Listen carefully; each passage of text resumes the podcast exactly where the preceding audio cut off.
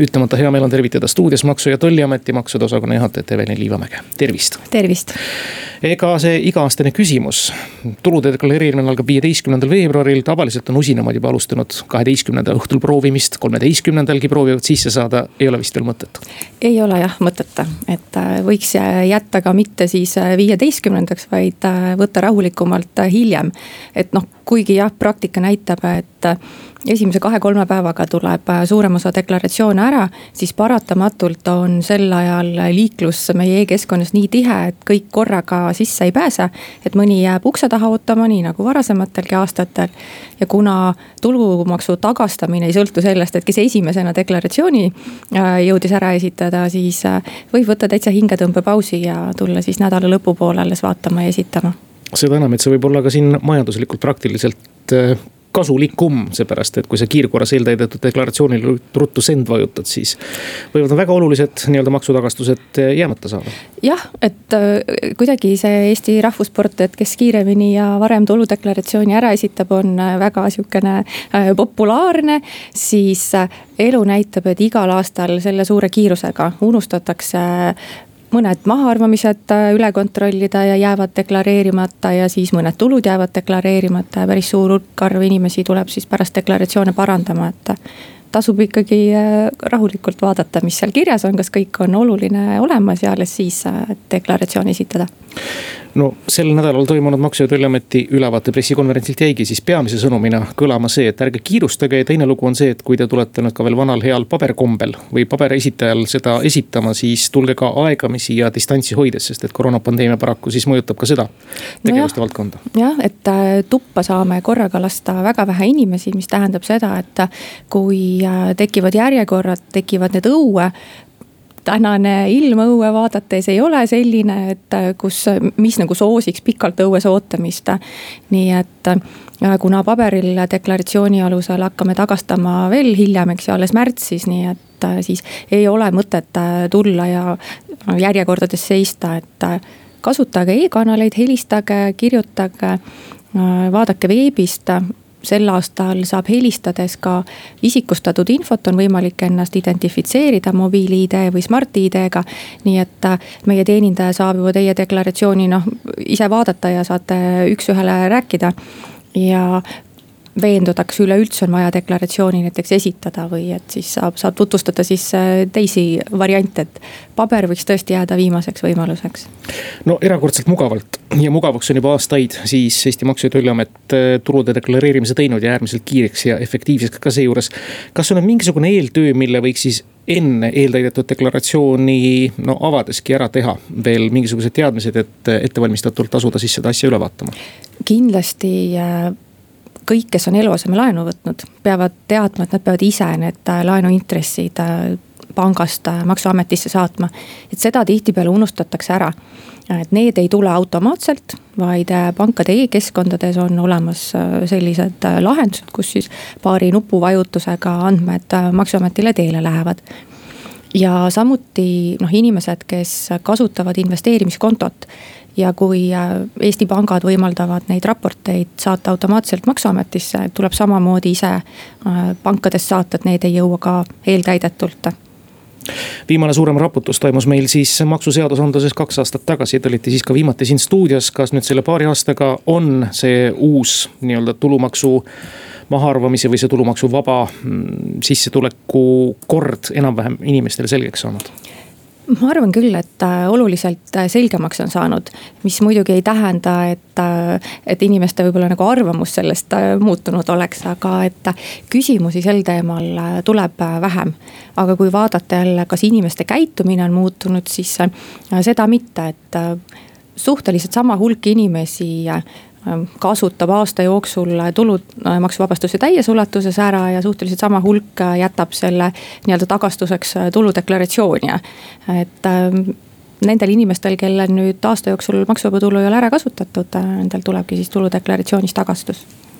ja sel aastal ilmselt tuleb ka sissetulek tulevikku või sisse tulevat tuluna arvestada väga paljudel ja see hulk aina kasvab inimestel ka sellega, et teisest pensionisambast nii-öelda välja korjatud raha. see läheb ka maksustatava tulu alla. aga see vist on juba järgmise aasta deklareerimise teema. jah, see on järgmise aasta deklareerimise teema, et äh, teisest sambast saadud rahale kehtivad päris erinevad äh, maksustamise reeglid, sõltuvalt sellest, äh, kes see selle välja võtab, kuidas ta seda välja võtab. ja noh, need tasuks inimestel selgeks teha endale enne, kui nad hakkavad teisest sambast raha välja võtma, sellepärast et kui nüüd kogusummalt kakskümmend protsenti maksuks ära maksta, siis võib see ära süüa kogu selle kasumi ja isegi veel rohkem, mida võib-olla teises sambas on kogutud, et et siis ei oleks üllatusi maksustamisel, siis soovitan enne läbi mõelda.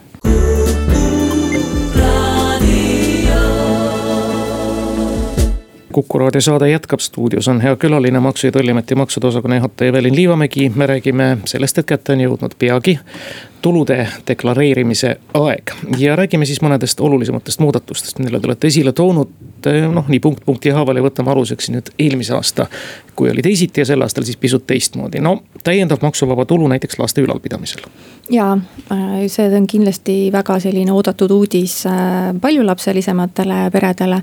et alates kolmandast lapsest on maksuvaba tulu vanematele nüüd äh, oluliselt suurem, et see on kolm tuhat nelikümmend kaheksa eurot, et siis kolmas, neljas ja kõik nii edasi lapsed saavad, nende arvelt saab suurema maksuvaba tulu metsamüügitulu ja raieõiguse võõrandamise maksuvabastus, see puudutab nüüd võib-olla vähesemaid kuulajaid, aga siiski vist oluline teada. ja see on siis nüüd nii eraisikutele kui FIE-dele äh, mõlemale selline maksusoodustus. et kuni viie tuhande euro ulatuses siis metsamüügist äh, saadud tulu raieõiguse võõrandamisest ja sinna alla loetakse ka Natura kaks tuhat toetused. on siis maksuvabad, noh tehniliselt näeb ta välja niimoodi, et tulu deklareeritakse ja see mahaarvamine võetakse arvesse aga noh, tulemus on, et siis viis tuhat eurot tulumaksuvabalt. Ja väga palju on neid inimesi, kes loomulikult välisriigist endale tulu saavad, võib-olla ka sellele välisriigile makse maksavad, kuidas sellega siis nüüd on? eelmisel aastal oli tõesti niimoodi, et kui inimene sai ka välisriigist tulu, siis selle võrra proportsionaalselt äh, vähenes siis tema Eestis arvesse võetavad äh, maksusoodustused, ehk et see välistulu vähendas Eesti maksusoodustusi. Sellel aastal enam niimoodi ei ole, et pole vahet, kui palju sinu tuludest on Eestist ja kui palju välisriigist Eesti piirmäärade ulatuses saavad kõik äh, maksusoodustused kätte nüüd ega tänavune eriline aasta, eel, eelmine eriline aasta siis madalapalgalistele, eeskätt siin hotelli- ja turismisektoris äh, lõppes paraku selle koondamisuudisega. ja seetõttu tuli ka välja palju, väga palju välja maksta koondamishüvitisi ja kõike muud säärast, kuidas nüüd neid silmas pidades tulu deklareerida? kui inimene on selle hüvitise saanud viimases kvartalis ja selle maksustamine noh lööb tal selle aasta maksu, vabandust, jah, eelmise aasta maksuvaba tulu arvestuse siis sassi, et noh, ta saab vähem maksuvaba tulu, kui ta oleks saanud siis tavaliselt äh, kuiselt palka saades. on tal võimalik äh, osa sellest hüvitisest edasi kanda järgmisesse aastasse. noh, proportsionaalselt siis kuude arvuga, et kui said kolme kuu eest äh, hüvitise detsembris, siis kahe kuu osas saad järgmisse aastasse kanda. niimoodi on tagatud siis see, et et ei kaotata maksuvabadust tulus lihtsalt sellepärast, et etteulatuvalt on mingit tulu saadud. ja see on samamoodi siis ka sünnitushüvitise saajate puhul. see oli nii ka eelmisel aastal ja need, kes eelmisel aastal oma tulu äh, selle aasta deklaratsiooni panid nendel meil on see seal eeltäidetud juba ja noh, see saab ka edaspidi niimoodi olema, et kes jagavad kahe aasta vahel, siis järgmisse aastasse tõstetud tulu on automaatselt näha ja te olete välja toonud ka sellise liigi kui laevapere liikme tasu erikord. no see, mis puudutab merendusmakse, see on nüüd saatejuhiks küll täielik kosmos, ma tean, et siin on väga palju erinevaid muudatusi toimunud ja asja mõte siis on olnud see, et rohkem laevu tuua siis Eesti lipu alla tagasi. ja seetõttu on tehtud siis hästi palju erinevaid maksuerisusi ja muudatusi, võib-olla kui oskate mõne sõnaga kokku võtta ja selgelt. mõne sõnaga on seda väga raske väga kokku raske, võtta, et äh, siin on erisused kaubalaevadele, reisilaevadele ja siis äh, veel äh, on meremeestele ja, ja siis siin koroonast tingitult. aga noh, võib-olla noh lühidalt öelda lihtsalt, et kui äh, meremehed on saanud äh, sellist tulu, mida Eestis äh, null protsendiga maksustati. Siis see tulu on neil tuludeklaratsioonis olemas ja selle arvelt mahaarvamisi teha ei saa. ja kui keegi on saanud sellist tulu, mida oleks pidanud null protsendiga maksustama ja tööandja ei ole seda teinud. siis inimene saab ise selle ära korrigeerida tuludeklaratsioonis, et ta saab siis selle deklareerida sellise spetsiifilise tuluna ja siis äh, tulumaksukohustust ei teki. aga ma väga soovitan äh, nendel meremeestel lugeda meie veebilehte, et me oleme üritanud sinna väga lihtsalt lahti kirjutada. et millistel juhtudel need maksuerisused kohalduvad, sest seal on päris palju tingimusi, et millal siis äh, maksuvabastus on võimaldatud. ja vist olete ka oma töötajaid, ma eeldan, et sel teemal päris põhjalikult koolitanud. ja noh, töötajad teavad ka jah, aga et, et lihtsam on alustada veebist, sest et noh, arvata, et neid helistajaid siin praegu meie kontaktkeskuses on palju, et ei pruugi kohe jaole saada. Nüüd äh, veebruarikuu, kui on vist väga paslik aeg ka maksude koha pealt teha erinevaid teavituskampaaniaid, noppisin ka ühe üles, mis puudutab siis nüüd äh, üüritulu deklareerimist. tahaks loota nüüd küll, et üha rohkem on selliseid, kes seda ka ametlikult ilusti teevad, mitte ei võta üüritulu vastu ümbrikus. nagu see võib-olla on aja ja kombekohane kunagi olnud. et äh, kuidas täpselt siis deklareerida üüritulu ja maksta sellelt maksud nii, et ei peaks kartma koputust ja tõsi on see, et aasta-aastalt me näeme, et inimesed üüritulu rohkem deklareerivad, et see on hästi positiivne ja me ise ka juhime nendele inimestele tähelepanu, kellel me teame, et on neid kinnisvarasi rohkem. et ega nad ei ole kogemata ära unustanud seda üüritulu deklareerimist. ja deklareerida tuleb selliselt, et kui on üürile antud äh, eluruum, siis eluruumi üürilepingu alusel, see tähendabki siis selliseks pikaajamise, pikaajaliseks elamiseks. Äh, arvutatakse tuludeklaratsioonis äh, kakskümmend protsenti äh, sissetulekus kulude katteks ja maksukohustus tuleb ainult kaheksakümnelt protsendilt. aga kui on sellised lühiajalisemad rendilepingud, näiteks siin booking.com'i kaudu, Airbnb kaudu siis see renditulu on täies ulatuses maksustatav. see tuleb ka ise tuludeklaratsiooni märkida, kui ei ole kasutatud näiteks võimalust seda Airbnb kaudu otse meile saata. ja siis tulumaks ära tasuda. Ja nüüd see, mis puudutab kõike seda jagamismajandust, on vist ka veel omaette suur teema, üha rohkem on selliseid, kes oma teenuseid, oskuseid jagavad, küll autot juhtides, küll jalgratast juhtides ja midagi sinise koti sees kohale tuues, ehk siis kõikvõimalikud kullerid ja need isehakanud korraks ettevõtjad, kuidas nende platvormi põhiste tulude deklareerimisega lood on? no maksustamisel tegelikult ei ole vahet, et kuidas seda tulu teenitakse, et kas pannakse oma pood püsti või siis pannakse e-pood püsti või siis kuskil Facebooki kaudu äh, müüakse kaupu. Äh, või siis äh, ollakse taksojuht FIE-na, osaühinguna või siis kas nagu otsetellimuste peale või läbi platvormi. et kõik selline ettevõtlustulu on maksustatav ja see tulebki ettevõtlustuluna deklareerida. et me oleme inimestele soovitanud ja soovitame ka edaspidi, et kes vähesemal määral ettevõtlusega tegelevad, kasutada suurepärast võimalust äh, nagu ettevõtluskonto. et äh, siis äh, liigub raha läbi ettevõtluskonto, maksud saavad automaatselt tasutuks ja ei pea midagi tuludeklaratsioonis deklareerima.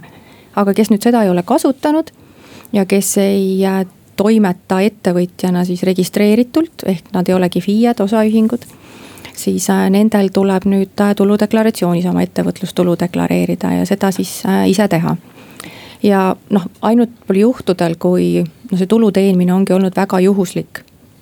on äh, õigus panna siis äh, sinna nii-öelda A-vormile ehk et selle füüsilise isiku vormile, kus ainult tulumaks äh, tuleb maksta.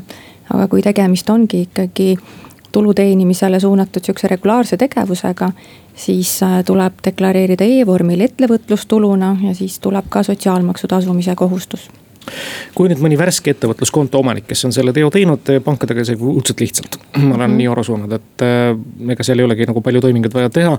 ja kui ta nüüd avab endale eeltäidetud deklaratsiooni, kas ta peaks nüüd millegipärast muretsema seda linnukest kuskilt tagant otsima, et kuhu on taha kirjutatud tal see ettevõtluskontoga seotud mingisugune teave? kui ta selle ettevõtluskonto nüüd näiteks täna või eile avas, siis eelmise aasta tulu deklareerimist see ei mõjuta, et eelmisel aastal teenitud ettevõtlustulu tuleb siis ikkagi tavapäraselt maksustada.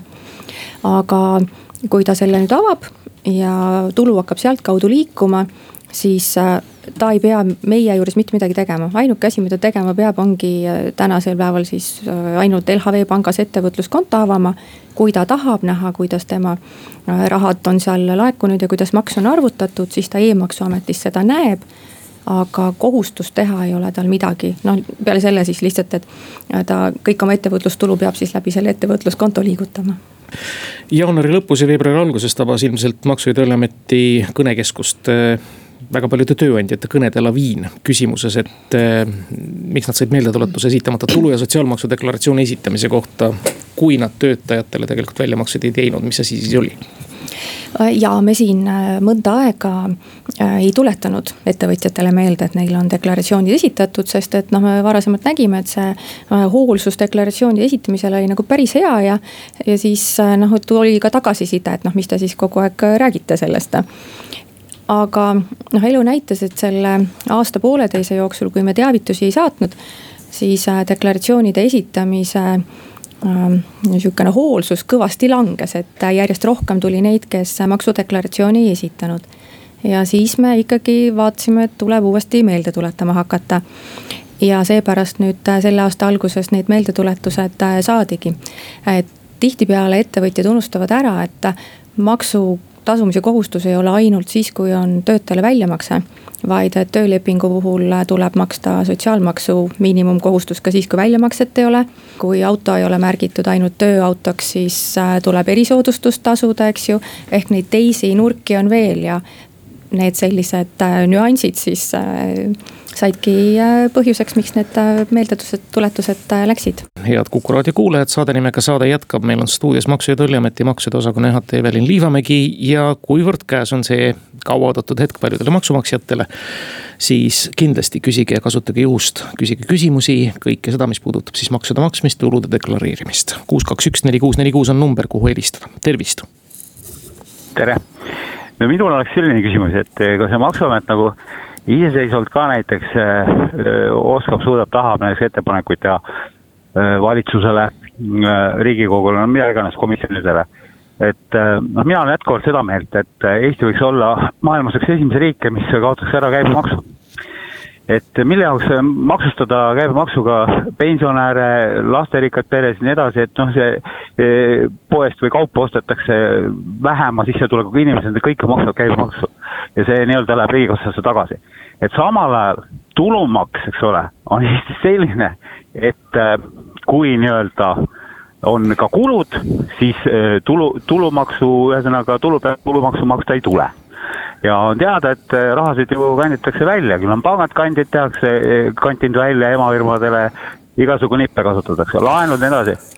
aitäh eh, helistamast, see oli jah, pigem sihuke ettepanek, aga võib-olla siis rahanduspoliitika tegijatele. Kommenteeriks nii palju, et loomulikult on Maksu- ja Tolliametil ka võimalik rahandusministeeriumi kaudu teha ettepanekuid seadusemuudatusteks aga selleks, et Eestis käibemaks ära kaotada, peaksime me kõigepealt lahkuma Euroopa Liidust, sellepärast et äh, käibemaks on kokku lepitud, et on kõigis Euroopa Liidu liikmesriikides. kuus, kaks, üks, neli, kuus, neli, kuus on järgmise küsija telefonile võtnud, tervist. tere päevast jätkuvalt sooviks ettevõtluskontole nime panna, aga seadus seda ei luba, et kas kunagi on plaanis ka midagi selles suhtes ette võtta? et ennast paremini klientidele esitada võib-olla täpsutad, mis mõttes nime panna? no ettevõtluskontol ei ole äh, nagu ettevõttel OÜ-l nime. et olen lihtsalt äh, ettevõtja ettevõtluskontoga aa, selles mõttes, et äh, teie teenuse, kelle te teenust pakute, et tema saaks paremini aru, et te olete selle ettevõtluskonto omanik. just. Et äh, jah, praegu on äh, see ettevõtluskonto loogika selline, et äh, eraisikul oleks võimalikult vähe igasugu kohustusi midagi teha. siis ta ei pea ennast kuskil eraldi registreerima, kõik, kes tema teenuse os-, noh nagu saajad on, saavad kontrollida maksuameti lehelt, et kas sellel inimesel on ettevõtluskonto olemas. aga ettevõtluskonto seaduse nende sihukesed edasiarengud saavad meil sellel aastal rahandusministeeriumiga laua peal olevat ka, nii et võtan teie mõtte kaasa ja võib-olla selles osas saab midagi parandada. kuus, kaks, üks, neli, kuus, neli, kuus, järgmine helistaja küsija, tervist. no tere päevast. no mina olen nüüd pensionär ja kui nüüd sügisel hakatakse seda raha välja maksma, sealt ma maksan kümme protsenti, kas ma pean ka midagi veel deklareerima või, või mis, missugust raha ma kätte saan veel või pean juurde maksma või mismoodi see on? no üldiselt on niimoodi, et kui teile pensionikeskus väljamakse teeb, siis äh, ta sealt pealt juba maksud kõik õigesti kinni peab ja meile ära deklareerib. et äh, kas te peate pärast tuludeklaratsiooni esitama, äh, sõltub tõenäoliselt sellest, et kui teil oli maksustatav väljamakse ja teil on õigus kasutada mingeid mahaarvamisi, siis oleks tark teha ja tulu siis, tulumaksu tagasi saada. aga kui see mingeid täiendavaid mahaarvamisi teil tuludeklaratsioonis arvesse pole võimalik võtta, siis ei peagi ise mitte midagi tegema, et jääb see lihtsalt, laekub sellises õiges summas tuludele kontole ja, ja ongi kõik. järgmine helistaja küsija, tervist. tervist Eh, sooviks küsida seda, et viis tuhat eh, eurot oli metsamüügil maksuvaba. kui olen abielus, müün naise nimele, järgmise viis tuhat, kas on ka maksuvaba? No selles mõttes, et noh, te müüte metsamaterjali, eks ju, et siis üks eraisik müüb teisele eraisikule ja noh, metsamaterjali noh, kui te müüte metsamaad, jah, siis te saate nagu seda siis on nagu üks reegel aga metsamaterjali müüki te nagu otseselt naise nimele müüa ei saa, küll te saate jah oma abikaasale teda müüa. ja siis äh, see, kellele te müüte, ei äh, mõjuta maksuvabastust, et äh, kui te müüte metsamaterjali ka abikaasale. oluline on, et see abikaasa ei ole selle metsamaa omanik siis, eks ju, sest iseendale niimoodi ei saa müüa. et siis saate seda maksusoodustust kasutada. järgmine helistaja ja küsija, tervist. tere päevast, on selline küsimus et äh, kui mina olen palgateenija, kuigi ei teeni väga suurt palka, aga abikaasa on eelpensionil ja tal on pension suht väike, siin praegu mingi kolmesaja viiekümne euro kanti. et äh, kas tuludeklaratsioonis saab esitada ka nagu mõlemale peale kokku või ei ole see võimalik? jah, juba mitu aastat sellist ühisdeklaratsiooni esitada ei ole võimalik. Küll on võimalik see, et kui teil endal tuludeklaratsioonis mingid kulutused jäävad maha arvamata, et siis te saate need, abikaasad saavad omavahel neid jagada, et kui ühel äh, jääb tulu puudu, et maha arvata, siis teine saab need äh, kulutused enda tulust maha arvata. Ja on ka võimalik äh, sellise mittetöötava abikaasa eest saada täiendavat maksuvabastust, aga see eeldab, et abikaasa sissetulek on aastas alla kahe tuhande ühesaja kuuekümne euro ja me siin kiire arvutus näitab, et teie abikaasa tulu on ikkagi suurem, et sellist täiendavat äh, abikaasa eest saadavat maksuvabastust teil siis pole võimalik saada. kuus, kaks, üks, neli, kuus, neli, kuus ja järgmine helistaja küsija, tervist. tere, tere mul selline lihtne küsimus, et oletame, et ma teenin tuhat viissada eurot palka. aga ma ei taha seda nii-öelda palgana kõike välja võtta, et kas mul on selline võimalus ka, et, et ma lasen näiteks tööandjal kanda endal palgana tuhat eurot välja ja teine viissada eurot siis läheb ettevõtluskontole, kust, kus ma saan siis seda nii-öelda kasutada sel-, niimoodi, et, et ettevõtja ei pea selle pealt maksma ühtegi maksu. Päris nii ei saa, sellepärast et äh, kui äh, äh, juriidiline isik ostab teenust füüsiliselt isikult, kes kasutab ettevõtluskontot, siis sellel juriidilisel isikul tekib täiendav tulumaksukohustus, et siis. Teie maksate maksud äh, ettevõtluskonto reeglite alusel ja juriidiline isik maksab tulumaksu lisaks. ja see on just tehtud selleks, et ei tekiks selliseid olukordi, nagu te kirjeldasite, et palgad saaks maksud ikkagi õigesti makstud kuus, kaks, üks, neli, kuus, neli, kuus ja tundub, et inimestel on huvi üsna elav ja meil on sellest ainult hea meel, tervist. On küll, huvi on elav ja e, mul on üks selline küsimus, ütleme, mul on mingi kunstiteos ja ma müün ta maha. kas siis selle summa pealt ma pean ka maksma tulumaksu? ei, selliseid kunstiteoseid peame me teie isiklikus kasutuses olnud varaks ja sihukese isikliku vara äh, müümine maksukohustust ei tekita et ei pea deklareerima ka. olenemata summast. olenemata summast nii et edukat müügiprotsessi, kuus, kaks, üks, neli, kuus, neli, kuus ja telefon on taas helisenud, tervist. hallo, tervist. Eh, ma täpsustaks ühte küsimust, millest eh, hea vastaja eh, sai natukene valesti aru. see oli see nii-öelda abikaasade metsamaterjali müügi küsimus. et küsija tegelikult tahtis teada sellist asja ai, nüüd kadusite ära. Korrake palun küsimust, te kadusite vahepeal ära. Ja, äh, vabandust, et, äh, et abikaasad on abielus, äh, neil on eraldi tulu deklareerimise nõue, aga nad mõlemad on metsaomanikud. kas seesama viis tuhat eurot nüüd ühele metsaomanikule ja teise, teisele metsaomanikule on mõlemale viis tuhat või kuidas tehakse seda vahet, et ma usun, et see küsija tahtis teada seda.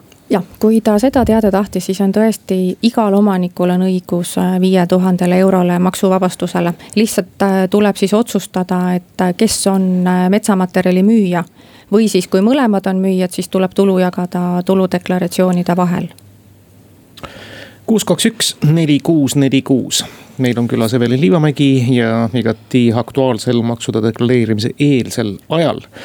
ootame siis heade kuulajate sekkumisi, kui neid ei ole, siis kuulame vahepeal ära tasuta teadaanded ja siis jätkame teie küsimuste vastuvõtmist, tervist.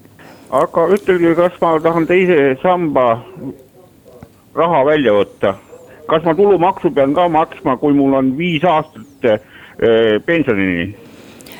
kui teil on viis aastat pensionini, siis Äh, sõltub äh, maksukohustus sellest, kas te võtate selle teise samba raha välja korraga või te võtate selle pikema perioodi peale. kui te võtate korraga, siis teil tuleb äh, kümme protsenti maksu maksta kui te teete sellise pikema pensioniplaani omale, et näiteks noh, elu lõpuni pensioni, siis te ei pea tulumaksu maksma. ja see sõltub ka sellest, et kui te näiteks olete äh, töövõimetu, siis on ka maksuvaba, ehk et äh, teise samba ja kolmanda samba maksustamise reeglites on päris palju nüansse et ma arvan, et ma siin läbi raadioeetri kõigile niimoodi tähelepanu juhtida ei saa, et äh, selliste spetsiifiliste küsimustega mina soovitan äh, helistada meie kontaktkeskusesse, et siis saadakse teilt ära küsida ka kõik olulised äh, küsimused ja siis sellele lähtuvalt õige vastus anda. tervist. tervist. mul on niisugune küsimus ma olen siin kaks-kolm aastat eh, investeerinud hoiu-laenuühistusse. ma ei ole sealt välja võtnud äh, intresse, kas ma pean tuludeklaratsioonis seda näitama? kui te intressi välja ei ole võtnud, noh, keegi teile sinna pangakontole seda kandnud ei ole, siis äh, ei tule deklareerida, aga kui see hoiu-laenuühistu on teile intressi ikkagi välja maksnud pangakontole, siis sellel aastal, kui ta välja maksab, tuleb see deklareerida. kui see ei ole juba niimoodi eeltäidetult tuludeklaratsioonis, et kuus, kaks, üks, neli, kuus, neli, kuus ja ootame küsimusi, kõike seda, mis puudutab siis nüüd makse, maksude deklareerimist. ja kõike seda, mis nüüd tuludeklaratsioonide esitamise eel on tarvis teada anda. mis teil tavaliselt selle kolme K nii-öelda kõige levinum küsimus on, kui teie klienditeenindusse pöördutakse?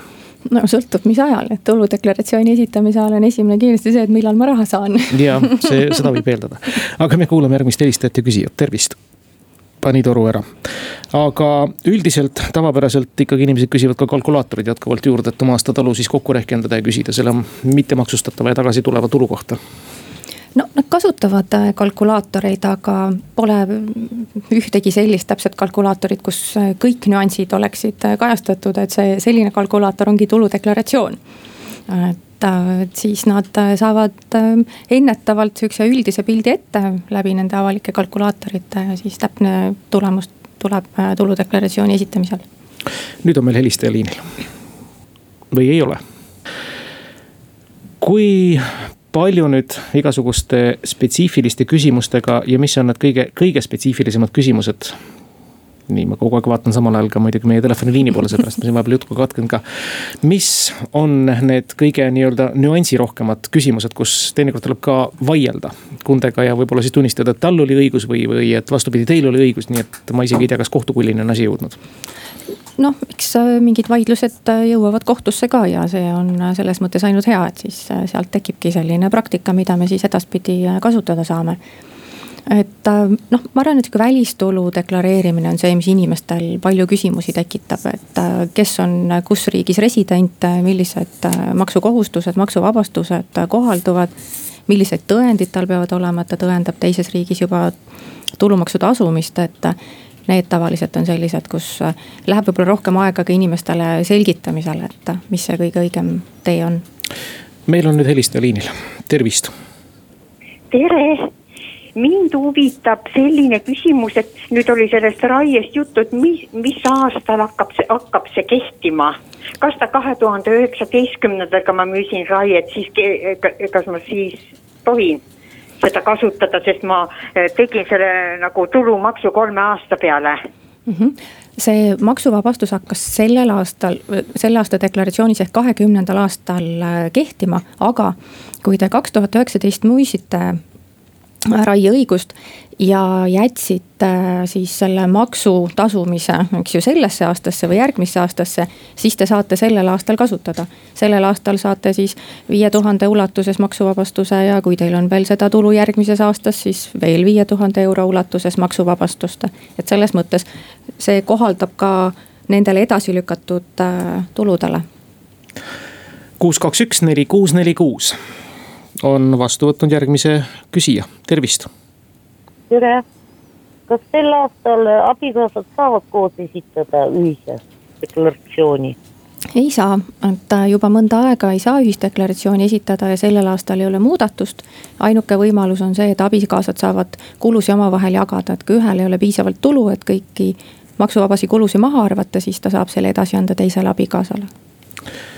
kuulame järgmist helistajat ja küsijat, tervist tere, mind huvitab see asi, et kui lotoga näiteks suur summa võita, et tuleb sellelt ka midagi maha arvestada või ei tule? Äh, riiklike lotode võitudelt äh, makstakse hasartmängumaksu ja teil ei tule selle pealt mitte midagi teha, et te ei pea seda deklareerima ja tulumaksu ka ei pea maksma. kuus, kaks, üks, neli, kuus, neli, kuus ja järgmine küsija liinil, tervist. tervist, küsimus puudutab kinnisvara müüki, et äh, ühesõnaga on, ütleme maja kus ma ei ole pikka ise sees elanud, mis on kuulunud aastaid-aastaid mulle, et kui see nüüd läheb müüki, et kas ma nüüd pean selle pealt tulumaksu maksma või mitte kui see nüüd ei ole teile just äh, õigusvastaselt võõrandatud maaga seotud maksuvabastus, vaid jah, et lihtsalt ongi teile kuuluv, äh, siis. ta on jah, ütleme, on minu vanemate maja on olnud, äh, et lihtsalt see nii-öelda jäi aed, tähendab ammu-ammu nagu minule mm. -hmm. et omal on mul nüüd ütleme siin teine maja, kus ma olen aastaid elanud, et see nagu nii-öelda seisab, et kui see nüüd nii-öelda ära realiseerida, et kas ma selle eest pean nii omakse maksma siis. jah, et sellisel juhul selle maja müük on tulumaksuga maksustatav. saate arvesse võtta soetusmaksumuse, kui te selle näiteks pärisite, siis noh, on soetusmaksumus null siis saate arvesse võtta ka need kulutused, mida te olete selle maja siis remontimiseks teinud, kuid neid, teil on neid dokumentaalselt võimalik tõendada. ja siis müügiga seotud kulutused, aga see on maksustatav tulu. kuus, kaks, üks, neli, kuus, neli, kuus võtab vastu järgmise küsija, tervist. tervist, kas viitsadat eurot ületavalt pensionilt on juba tulumaks äh, maha arvestatud? Või tuleb see nüüd nii-öelda tagantjärgi nende kuude eest tasuda? selle on sotsiaalkindlustusamet juba maha arvestanud ja ise te selle pealt äh, midagi juurde maksma ei pea enam. kuus, kaks, üks, neli, kuus, neli, kuus ja meil on järgmine küsija liinil, tervist. tervist, tahtsin seda küsida, et siin oli eelmine üks härra siin küsis, et tal oli see kunstiteos. kui ma olen nüüd ütleme firma tegevuse ära lõpetanud ja ükstapuha, mis kaup on mul äh, realiseerimata jäänud. Äh, kas ma tohin teda, kui ma teda müün, kas ma pean selle eest ka, kui ma käest kätte müün või niimoodi, kas ma pean maksma selle pealt tulumaksu ka või ei pea? no kõigepealt, kui ta jäi lihtsalt teile seal firma lõpetamisel kätte, siis noh, tema firma pidi juba maksma maksu, kui see raha teile või see vara teile üle tuli ja et äh, aga kui ta tõesti ei ole selline teie isiklikus tarbimises olev vara, eks ju, et ta ongi kaup, mida ja. te nüüd ettevõt-, noh tulu teenimise eesmärgil müüte. siis äh, soetusmaksumuse saate arvesse võtta ja siis äh, kasumilt tuleb ikkagi maks maksta jah, vara võõrandamisena peate selle tuludeklaratsiooni panema et kui ma olen nüüd selle ära lõpetanud, selle firmaga, mis mul oli ja mul on jäänud näiteks ütleme neli autot või niimoodi, kas ta siis ei kuulu minu isiklikku varasse. ma, kui ma teda tahan müüa, ma pean ikka tulumaksu selle pealt maksma, jah. no sõltuvalt, äh, kas te kasutate neid autosid kõiki isiklikeks sõitudeks või mitte, on ju. noh, ei kasuta, just. ei üldse, ei saavad ja siis ongi tõesti niimoodi, et te saate selle soetusmaksumuse, mida te siis äh, tegite nende vara soetamiseks, saate arvesse võtta, aga kasumilt, mis tekib, tuleb ikkagi maks maksta aga kui te vist niisama muidu need maha lükkate või, või noh, sümboolse hinna eest siin, siis, siis vist mitte. no kui tulu ei saa, siis ei tule ka maksu maksta me kuulame järgmist helistajat, tervist. tere päevast. Niisugune küsimus, olen pensionär, saan praegu esimest sammast. aga ei ole hakanud välja võtma veel teist sammast. nüüd on niisugune küsimus, et, et kui võtta korraga välja, kas siis läheb kümme protsenti maha? jaa. aga nüüd, kui ma hakkan võtma seda pikaajaliselt ja see summa ju kokkuvõttes, esimene, teine sammas kokku ületab viitsadat eurot. kas, aga sealt, kui see summa, mis teise sambast tuleb, see siis võtab ka juurde ju, läheb kahekümne protsendi alla või? ei, teise sambaga on niimoodi, et kui teil on pikaajaline pensioniplaan, siis on need maksuvabad, need väljamaksed. siis jääb ainsaks Kas... maksustatavaks tuluks see esimese samba pension. nii et selle on nagu eraldi lehtnuti alla? jaa, see läheb siis eraldi, jah ja teise ah. samba väljamaksed ei mõjuta ka äh, maksuvaba tulu suurust, et need arvutatakse sealt maha, et sõltumata sellest, kui palju te teisest sambast väljamakseid saate. aga pikk pensioniplaan teisest sambast on maksuvaba ja see ei mõjuta esimese samba maksustamist. ja me võtame vastu järgmise helistaja ja küsija, tervist. tere, ilmselt olen mina. Teie muidugi. olen pensionär, äh, töötan FIE-na eelmisest aastast jäi mul arvele miinus, miinus siis, kuidas ma nüüd ütlen, mis miinus ta siis oli, noh. kahjum äkki või, jäi ülesse või? kahjum, just nimelt jah. et seda ja kui mul tänavu aasta näiteks kahjumit ei tule, et siis kantakse, tähendab, võetakse see kahjum mul maha ja tänavusest jääb siis, kui palju mul seda plussi jääb, selle pealt läheb siis veel mingi maks jah, põhimõtteliselt küll, et äh, FIE-na te peate igal juhul tuludeklaratsiooni esitama, sõltumata sellest, kas teil siis aastas ettevõtlustulu oli või ei olnud. ja eelmise aasta kahjum lahutatakse selle aasta tuludest maha. ja siis, kui tekib, jääb mingi sihukene tulu alles, siis selle pealt peate maksu maksma, kui neid tulusid ei ole, kahjum oli suurem kui kasum, siis ei pea ka see aasta maksma üheksateist vastatud küsimust, aitäh Evelin Liivamägi selle kiirelt möödunud tunni eest siinsamas Kuku stuudios, vastates ka Kuku kuulajate küsimustele. kõik need, kes nüüd ei saanud täna löögile, siis maksu- ja tolliameti infotelefonid töötavad sama efektiivselt. numbri algus on kaheksasada kaheksakümmend ja siis juba sõltuvalt, kes helistab, erakliendid kõige rohkem vast siis kaheksasada kaheksakümmend null kaheksa üksteist on see telefon ja loomulikult emta.ee internetilehekülg ka. veel kord suur aitäh teile, edu, jõudu ja vastupidamist ka nüüd sellel kiirel ajal, mis tulekul on. ja head päeva kõigile